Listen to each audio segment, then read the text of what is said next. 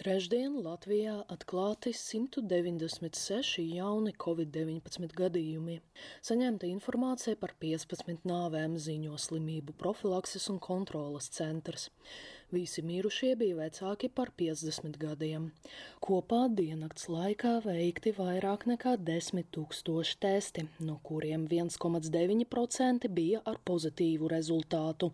Slimnīcās nonāca 28 pacienti ar covid-19.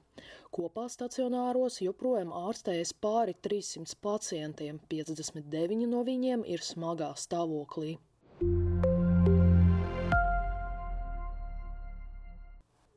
15. jūnija pasākumiem un pakalpojumiem būs spēkā trīs drošības līmeņi.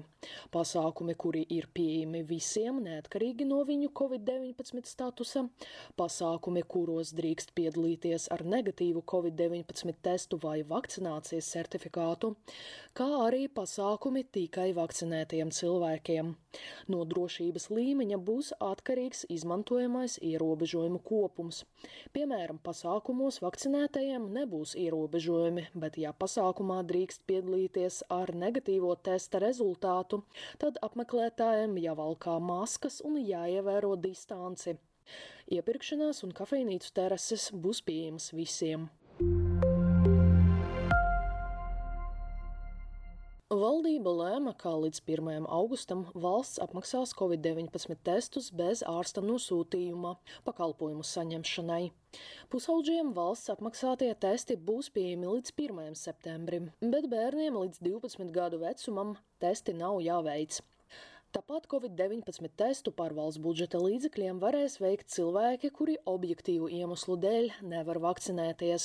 Premjers Krišjānis Kāriņš valdības sēdē norādīja, ka jābeidz apmaksāt Covid-19 testus bez ārsta nosūtījuma, uzsverot, ka apgrūtinājuma mērķis ir motivēt cilvēkus vakcinēties. Sporta likumā noteiktas federācijas varēs rīkot sacensības, bet šos pasākumus drīkstēs apmeklēt vakcinēti vai izslimojuši skatītāji, lēma valdība. Kopā sacensībās drīkstēs piedalīties līdz 300 cilvēkiem, ieskaitot sportistus un darbiniekus. Tāpat ministru kabinets atļāva edinātājiem apkalpot klientus iekštelpās, ja viņiem ir covid-19 certifikāts. Visbeidzot, vasarā varēs darboties ārtelpu akvaparki, batuti un citi izklaides pakalpojumi.